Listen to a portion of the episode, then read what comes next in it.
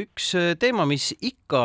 ja jälle äh, kirgi kütab, on meie pension äh,, pensioni äh, kogumine, pensionikindlustus ja, ja kogu nii-öelda noh, ütleme siis suur tants, mis käib pensionireformi ümber. ja me oleme helistanud äh, Kertu Fedotovile Rahandusministeeriumi kindlustuspoliitika osakonna nõunikule, tere hommikust!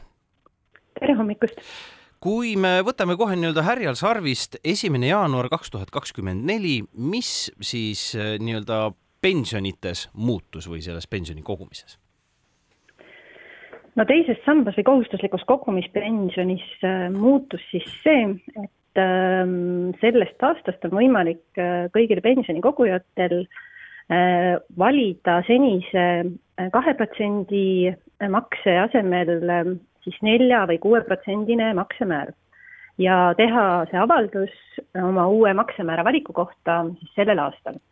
et äh, need, kes siis otsustavad, äh, et soovivad teise sambasse rohkem panustada, siis äh, kui see avaldus saab tehtud selle aasta novembri lõpuks hiljemalt, siis neil jaanuarist kaks tuhat kakskümmend viis juba ka rohkem raha teise sambasse hakkab liikuma päris äh, huvitav selline muudatus, et siis, kui meil see viimati pensionireformist väga palju juttu oli, et teine sammas justkui vabaks lasta, siis kas ei olnud mitte nii, et needsamad äh, poliitilised jõud, kes täna on koalitsioonis, seisid sellele üsna tugevalt äh, vastu, et ma saan aru, et see on nüüd siis selle valitsuse selline üks otsus? Ehm, see maksemäära tõstmine on jah, praeguse valitsuse otsus, noh nii nagu äh, siis teise samba mm, nii-öelda vabaks laskmine oli toonase valitsuse poliitiline otsus, aga noh, ega kokkuvõttes ähm, meil lihtsalt need vabadused siis ähm, suurenevad teises sambas, et võib nii öelda. Et kui pensioni kogumine kui selline on igaühe vaba valik, siis on ka nüüd võimalik maksemäära osas rohkem endal kaasa rääkida no aeg-ajalt on riigi rahanduslik seis olnud ju selline, et on riik nii-öelda mõneks ajaks peatanud endapoolsed siis teise samba maksed, et kuidas nüüd nende ku,, kuidas sellega on, et kui ma nüüd omalt poolt suurendan, kas riik ka suurendab või, või tegelikult ei, ei maksa nagu seda loota? Äh, antud juhul on äh, tõesti nii, et see nelja protsendi ähm, äh, osa siis, mis sotsiaalmaksust teise sambasse läheb neil, kes teise sambaga on liitunud, et seda see maksemäära muutmine ei mõjuta. ehk teisisõnu, ükskõik, kas ma valin omale äh, tulevikuks siis makseks äh, kaks protsenti, neli või kuus, et siis sotsiaalmaksust siiski jääb see nelja protsendi makse laekuma teise sambasse. no mida teie, te olete ikkagi ekspert, te olete tööl Rahandusministeeriumis, noh, tunnete seda valdkonda läbi ja lõhki. mida teie soovitaksite ühel lihtsal inimesel teha, kes ei taha iga päev neid protsendiarvutusi ju kodus paberile nühkida ja kirjutada?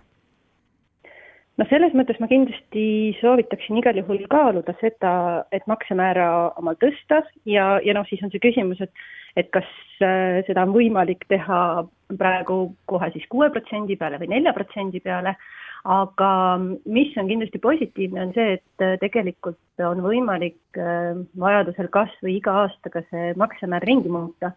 ehk et neid äh, muutmise avaldusi saab iseenesest esitada kogu aeg, lihtsalt siis novembri lõpp on see, kust äh, lähevad järgmise aasta maksemäärad lukku.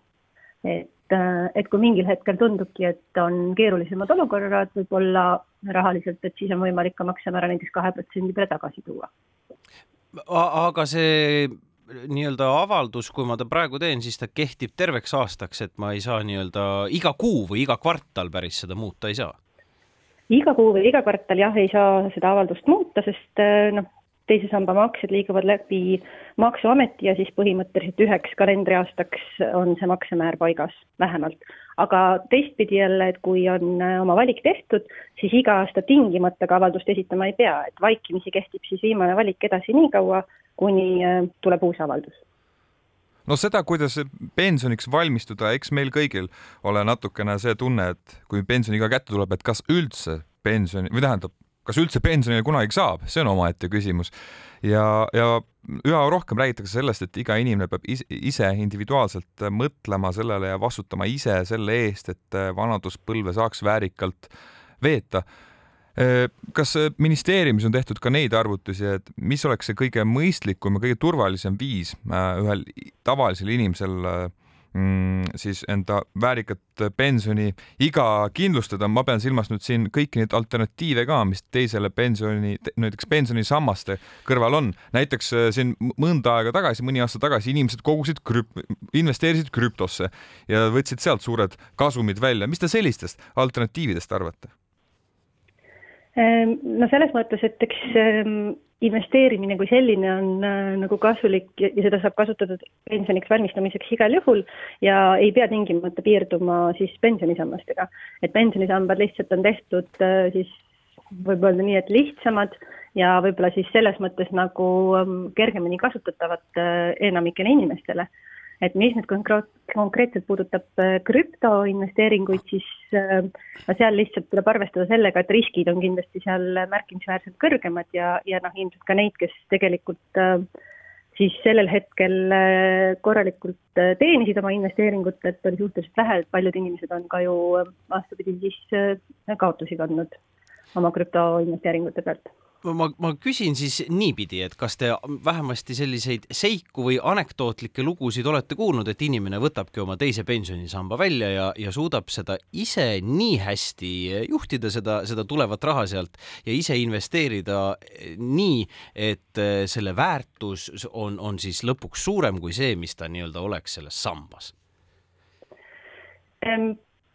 ma usun, et kindlasti on neid inimesi, kes seda suudaksid teha, aga küsimus on selles, et kas see on igaühele jõukohane ja ka noh, võib-olla ka meelepärane tegevus, et, et kõik inimesed kindlasti ei ole need, kes ähm, nii äh, äh, suure siis äh, huvi ja, ja nagu äh, huviga siis tahaksid igapäevaselt oma pensioniinvesteeringutega tegeleda aga sellist konkreetset lugu, kui te mõtlete, te ei tea, ei ole kuulnud või olete?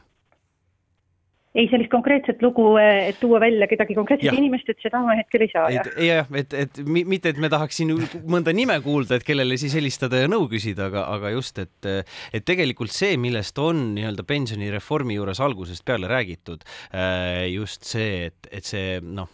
heakene küll, arvame sellest teisest sambast, mis me arvame, aga, aga tõenäoliselt on ta ikkagi kõige sellisem kindlam viis, kuidas äh, tasapisi, tasa ja targu oma raha kasvatada jah, selles mõttes äh, olen nõus, et, et, et siin kindlasti on ka nagu väga mm, siis hea see, et neid sissemakseid tehakse ka ju regulaarselt ehk et äh, ostetakse siis pensionifondi osakuid nii sel hetkel, kui see osaku väärtus on suurem, aga ka siis, kui näiteks on turud all ja, ja lihtsalt siis sama raha eest on võimalik osta omale rohkem osakuid. ja noh, kui seda teha nagu väga pika aja jooksul, noh, mis pensioni puhul eelduslikult nii peaks olema, et siis tegelikult ka see liitintress ähm, hakkab äh, siis selle pensionikoguja kasuks äh, tööle. Äh, kas teil endal on avaldus tehtud kuue protsendi, nelja protsendi peale? Äh, pean ütlema, et aasta algus on olnud nii kiire, et avaldust ei ole ma veel sisse andnud, aga nagu ma ütlesin, et äh, seda saab teha kuni novembri lõpuni ja, ja kindel plaan mul see avaldus sel aastal teha, et kohe kahe tuhande kahekümne viiendast aastast saaks rohkem äh, siis oma teise sambasse panustada, mul on. kui vaadata nüüd äh, näiteks mõnikümmend aastat ette, siis milli-, kui, kuivõrd erinev on äh, näiteks Eesti keskmist palka teeniva äh, inimese pension, siis kui me võtame võrdluseks näiteks selle inimese pensioni, kes pani siis iga krüptosse, ei, mitte krüptosse, kaks protsenti siis teise sambasse ja selle inimese pension, kes pani kuus protsenti teise sambasse, kui suur see vahe tuleb? Mm? -hmm no pensionit äh, niimoodi pika mm, perioodi peale ette, et, et kui me võrdleme või vaatame, siis me räägime just asendusmäärast, et see ongi siis äh, keskmise palgaga inimese puhul siis tema palga ja tema pensioni suhe, et see on äh, esimesest-teisest sambast kokku eelduslikult siis kuskil umbes nelikümmend protsenti. nüüd ähm, ja seda siis juhul, kui see teise samba maksemäär oleks selle kahe protsendi peal, mis ta praegu on Äh, kui nüüd ähm, seesama inimene oma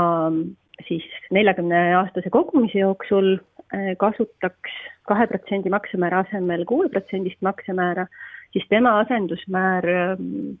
äh, kasvaks siis neljakümne kaheksale protsendile.